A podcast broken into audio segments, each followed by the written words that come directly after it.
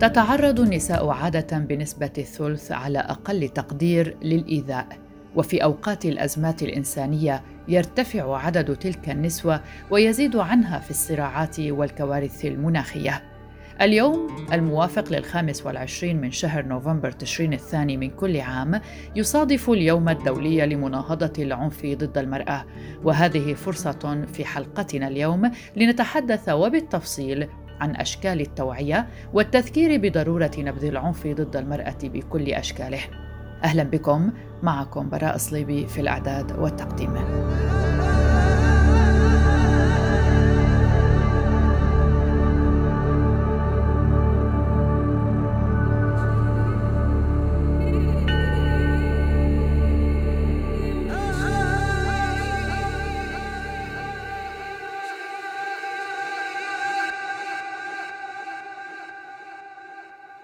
السنة الماضية وفي ظل ما عايشناه مع أزمة كورونا، كشفت منظمة الأمم المتحدة أن البيانات والتقارير أظهرت بأن هناك زيادة في جميع أنواع العنف ضد المرأة والفتاة، وخاصة العنف المنزلي، حيث زادت المكالمات إلى أرقام المساعدة خمسة أضعاف.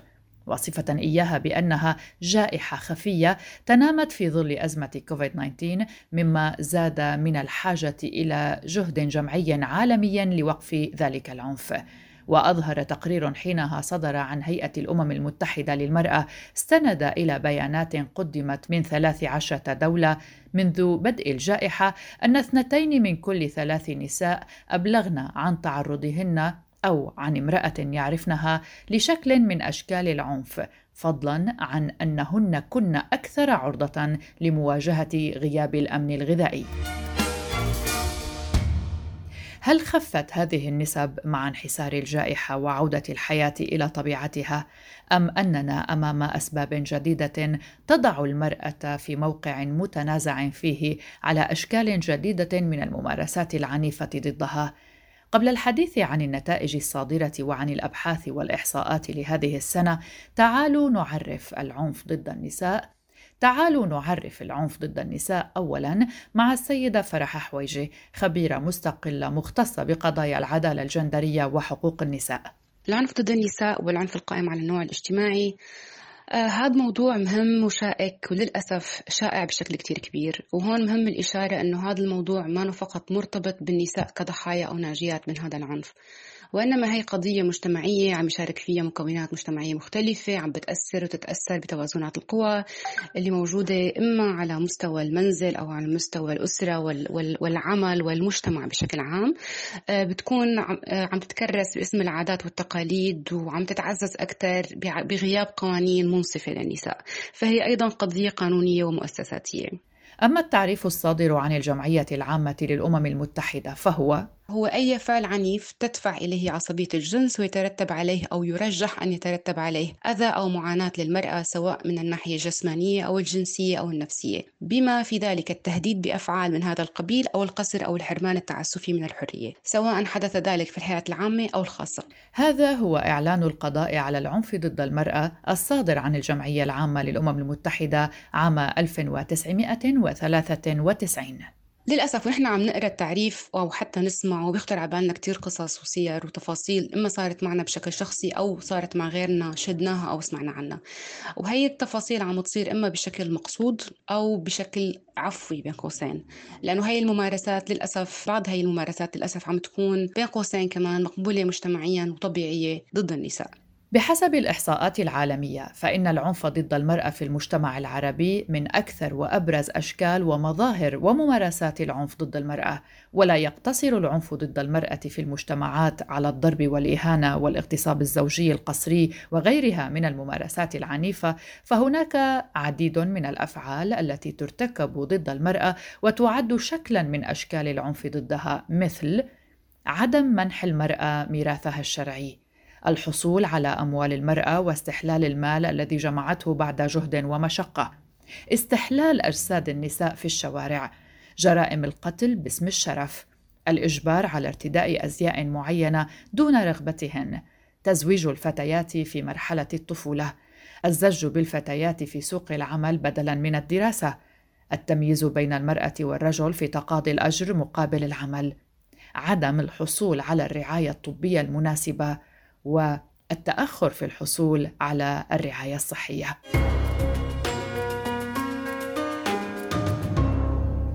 ومنذ أكثر من خمسين عاما يتم إحياء هذا اليوم أي الخامس والعشرين من تشرين الثاني نوفمبر اليوم الدولي للقضاء على العنف ضد المرأة للتنديد والتذكير بكل هذه الأشكال المألوفة في مجتمعاتنا حتى المتحضر منها. هون كمان في دور كتير مهم للإعلام بشقه الخاص والعام لأنه لهلأ ما عم يقدر يخلق خطاب يناهض العنف ويكرس حقوق النساء الطبيعية إنه نحن حقوق النساء هي جزء لا يتجزأ من حقوق الإنسان فهذا الشيء لم يكرس حاليا بالإعلام. وبعتقد هاي فرصة يعني للأسف الواقع اللي عم نعيشه والقصص اللي عم نسمعها بشكل يومي قد تكون هي الحافز لحتى يتأسس لخطاب جامع لخطاب يناهض العنف ضد النساء ويكرس حقوقهم كبشر. بالنسبة لأشكال العنف اللي عم تصير هي آه، متنوعة في عنا العنف الجسدي واللفظي والاقتصادي والمعنوي والرمزي. يلي أنا بشوفه من أخطر أنواع العنف لأنه عم يتم ممارسته بأطر مقبولة اجتماعيا ومجتمعيا. سنتحدث في حلقتنا اليوم بالتفصيل عن أشكال التوعية والتذكير بضرورة نبذ العنف ضد المرأة بكل أشكاله والذي هو في المحصلة جزء من منظومة عنف أوسع عنف سياسي اقتصادي اجتماعي وعنف أسري. سنبدأ من العنف الأسري مع السيدة حويجي. العنف الأسري هو أحد أوجه هذا العنف والانتهاكات آه، أحد أوجه هذا العنف ضد النساء.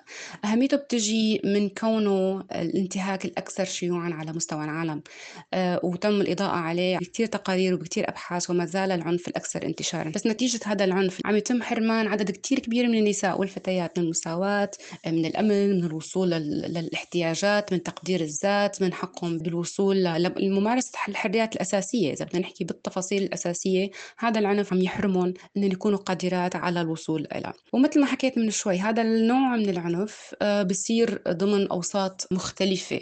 وهون بيجي تشعبه وخطورته إنه هو بيبدأ من البيت من الأسرة. للمجتمع يلي عم يقبله. أحيانا عم يقبل هذا العنف ويبرره بكثير من الأحيان آه، بينتقل منه على أوساط الدولة اللي هي معنية بشكل مباشر عن تأمين الحمايه للافراد عبر افتقار القوانين تجرم العنف الأسري. تعتبر للأسف الحيز العائلي هو حيز خاص بعيد عن تدخل الدولة وهون أكيد ما فينا نغفل الحيز الآخر اللي هو المجتمع المدني اللي للأسف لليوم ما عم يقدر يأمن حالة واسعة من التضامن مع ضحايا هذا النوع من العنف وعم يكرس نشاطاته بالمجمل للعمل مع النساء فقط. فقط مع تجاهل العمل مع المجتمع. ما فيني أعمم أكيد في ناس عم تشتغل مع المجتمع بشكل عام ومع الرجال ضمن هذا المجتمع. لإعادة النظر بديناميكية العلاقة ما بين النساء والرجال لكن بشكل عام عم يكون التكريس العمل مع النساء الناجيات من هذا العنف أو مع النساء لتوعيتهم عن هذا العنف.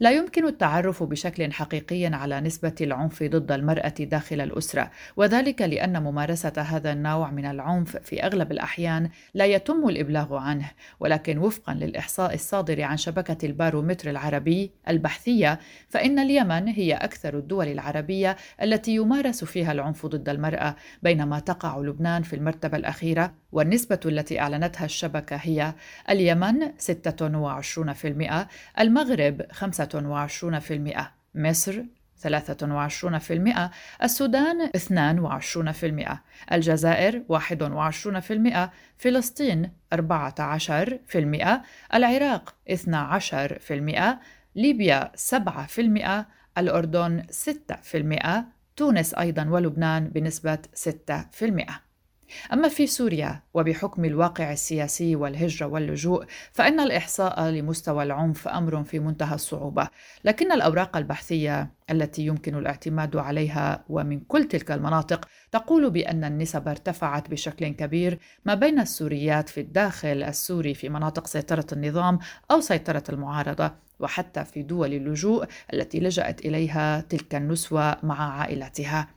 وعن أسباب العنف في سوريا ستحدثنا السيدة أحويجي قانونيا قانون العقوبات السوري لا يحتوي على أي تعريفات للاغتصاب الزوجي والعنف الأسري وهذا بشكل تحدي كتير أساسي لمعالجة هي الظاهرة. بس بنفس الوقت الباب مفتوح للنساء أنه يلجأوا للقضاء ويستندوا لمواد تجرم سوء المعاملة يلي هو ممكن يؤدي لتوقيف الشخص المعتدي يلي هو عادة عم يكون الرجل في العائلة إما الأب أو الأخ أو العم. هون بيظهر عنا حالة التحدي المجتمعية اللي بيعاير النساء وبيحاربهم إذا قرروا يلتجئوا للقضاء لأنه غير مقبول مجتمعيا عنا أنه تروح الست تقدم شكوى ضد جوزها أو أبوها أو أخوها فهذا الشيء تداخل كتير واضح لتداخل العامل المجتمعي يلي بيحرم النساء من وصول لحقهم بالحماية. بالإضافة لغياب المقاوي المقاوي الخاصة للحماية تحديدا في حالة النساء المعنفات. فالنساء هن مضطرة تقدم شكوى وبنفس الوقت ترجع تسكن مع نفس الشخص اللي عنفها تحت سقف واحد وهذا بكتير حالات ممكن يصير حالات عنفية انتقامية جديدة. فبالمحصلة نحن غياب وجود آليات حماية آه، وغياب وجود قوانين رادعة هي عم تأسس لحالة مقبولية مجتمعية نوعا ما لحالة العنف ضد النساء.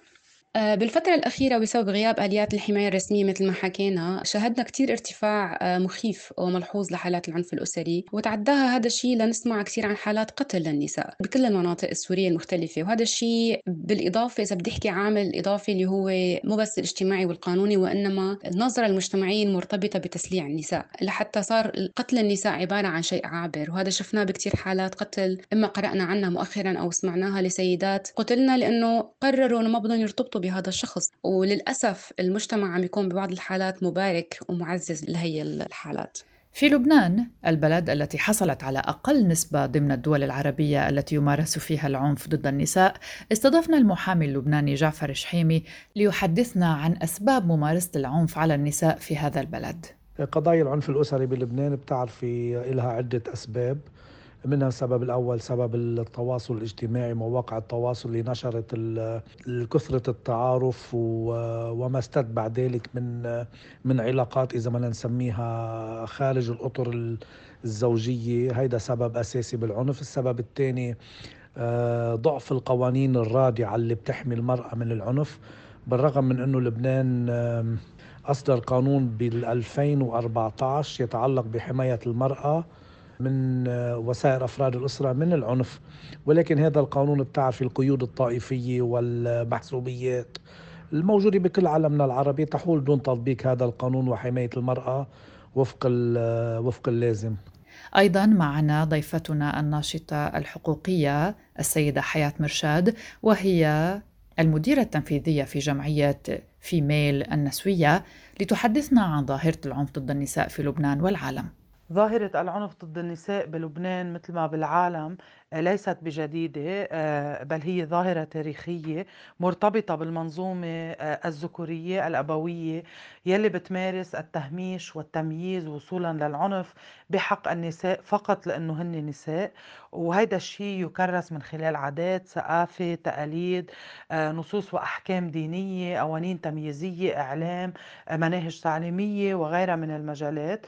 طبعا عم نسمع كثير عن ارتفاع بالتبليغات وبنسب العنف بحق النساء النساء بعد جائحة آه، كورونا حول العالم وبلبنان ارتفعت التبليغات آه، بما لا يقل عن 100% آه، حول العنف الأسري لأنه النساء عادة بكل الفترات يلي بيكون فيها أزمات أو نزاعات أو أوبئة أو أوضاع غير مستقرة هي بتكون الأكثر تضررا وهي بيتم بصير في ارتفاع كبير آه، بالعنف الممارس آه، ضدها.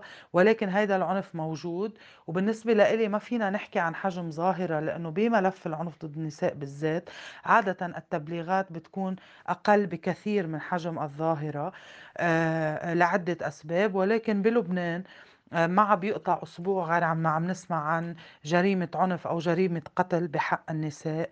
آه، بهيدي الجرائم طبعا للأسف شفنا نفس آه، الأداء والتعاطي المجتمعي من خلال التبرير التعاطف مع القاتل واللي ساهم الإعلام بدور كتير كبير فيه من خلال فتح الهواء للقاتل ليبرر جريمته. ولا يكسب الرأي العام. المهم نقوله إنه اليوم الحل الأساسي بقضايا العنف ضد النساء هو التشدد بالعقوبات هو ضمان عدم الإفلات من العقاب آه، هو آه، آه، ضمان تشدد بآليات الحماية خاصة إنه نحن في لبنان صار في عنا قانون بيحمي النساء آه، وسائر أفراد الأسرة من العنف الأسري ولكن ما ينقصنا حتى اليوم هو التعاطي الجدي آه، مع هذا الملف. بعيدا عن كل السآفة والتنميطات والأفكار الذكورية.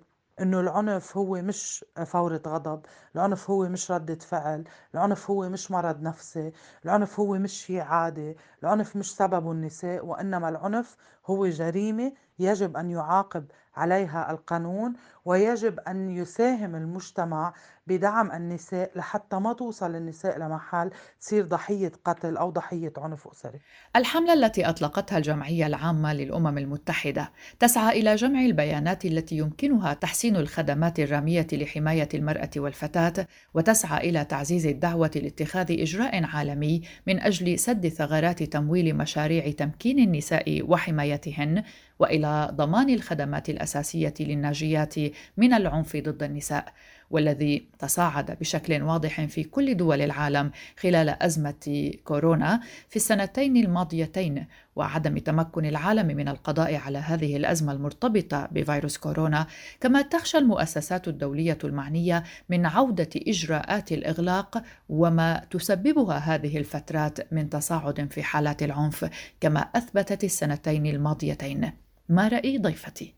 العنف ضد النساء هي حالة قديمة ومستمرة ومنتشرة مثل ما حكينا وبعد أزمة كوفيد 19 تعززت عنا حالات الظلم واللامساواة بالنظم المختلفة موجودة بكتير مجتمعات. بالإضافة لأنه أظهرت عيوب كتير كبيرة بالنظم القانونية تحديدا بما يتعلق بحماية النساء وأمنها الشخصي. بالنظر للموضوع ما فينا نغفل التداخل الجوهري والحيوي ما بين المحور القانوني والمجتمعي. نحن بحاجة نشوف الاثنين وبحاجة لنفكك الاثنين ونفهم ترابط مربوطات مع بعضهم بنفس الوقت. آه، من أجل تعويض النقص بالتقارير الحكومية الرسمية اللي عم تغطي كانت قضايا العنف ضد النساء تحديدا بفترة الإغلاق التام أو الإجراءات الوقائية من كورونا. تم اللجوء آه، لتقارير اللي صدرت عن المجتمع المدني إن كان على المستوى المحلي أو على المستوى الدولي. وكل هي التقارير أجمعت على ارتفاع ملحوظ ومقلق لحالات العنف الأسري ضد النساء منذ بداية الإقفال. ارتفاع أيضا بحالات التحرش الجنسي على الفضاء الإلكتروني. ارتفاع حالات النساء اللي تم قتلهم بسبب العنف الأسري. أيضا آه، صار عنا تبليغات عديدة عن ارتفاع عدد النساء اللي عندهم أعراض اكتئابية قد تصل إلى حد الانتحار نتيجة العنف الأسري وغياب الحماية القانونية. إن العنف ضد المرأة من أكثر الانتهاكات التي يتم ارتكابها بحقوق الإنسان والأكثر انتشارا وتدميرا على المستوى النفسي والجسدي في العالم، وفي كثير من الحالات المقررة كعنف ضد المرأة لا يمكن التعرف على تلك الممارسات نظرا للظواهر الاجتماعية والقانونية التي تصاحب العنف المرتكب ضد المرأة والذي يظهر على المستويات النفسية والعقلية والجسدية للمرأة ويشمل العنف ضد المرأة عدد من الممارسات من بينها الضرب من الأب أو الأخ أو الزوج أو الابن الإساءة النفسية من الأب أو الأخ أو الزوج أو الابن أو أي رجل في العائلة الاغتصاب الزوجي قتل النساء من الأب أو الأخ أو الزوج أو الابن أو من ينوب عنهم كوكيل الاغتصاب بشكل عام التحرش الجنسي غير المرغوب الأفعال الجنسية القسرية الاعتداء الجنسي على الفتيات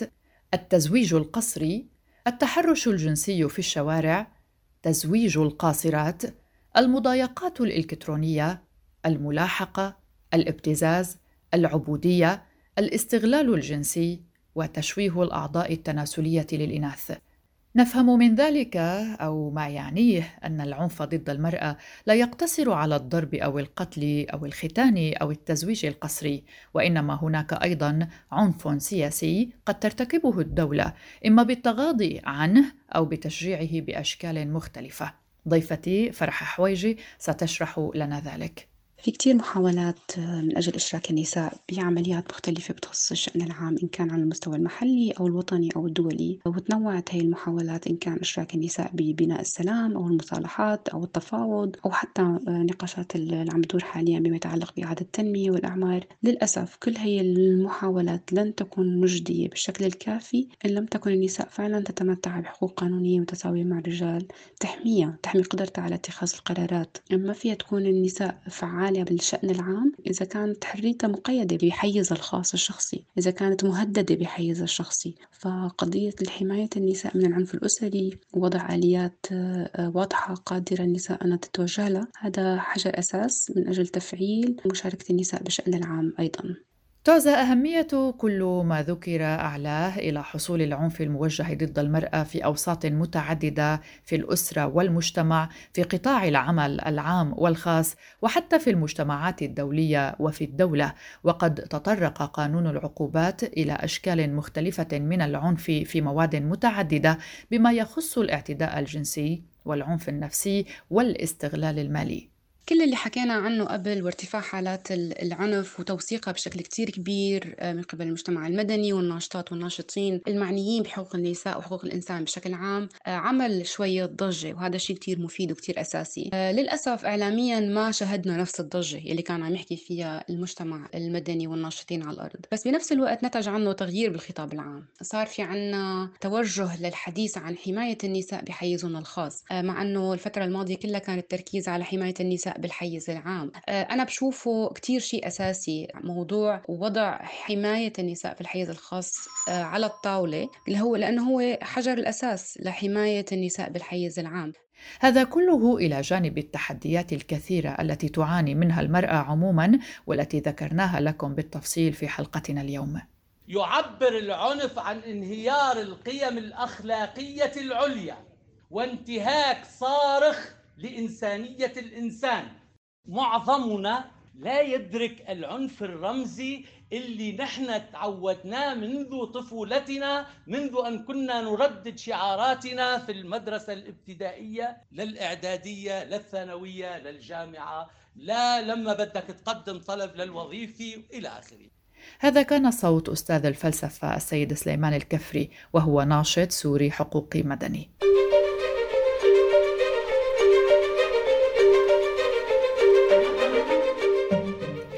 يمكن أن يكتسب العنف ضد المرأة أسماء عدة. إذا كنت تعتقدين أنك ضحية لسوء المعاملة أو تشكين بمعاناة إنسان ما منها فابحثي عن العلامات واطلبي المساعدة. من ناحية أخرى إذا كنت تستمتعين ببيئة صحية فتذكري أن هناك مشكلة في مكان ما ويجب عليك المساعدة كذلك. هذه كانت حلقة من بودكاست في عشرين دقيقة. كنت معكم براء صليبي في الإعداد والتقديم. شكرا لكم لحسن وطيب الاستماع. نلتقي في حلقات مقبلة. إلى اللقاء. thank you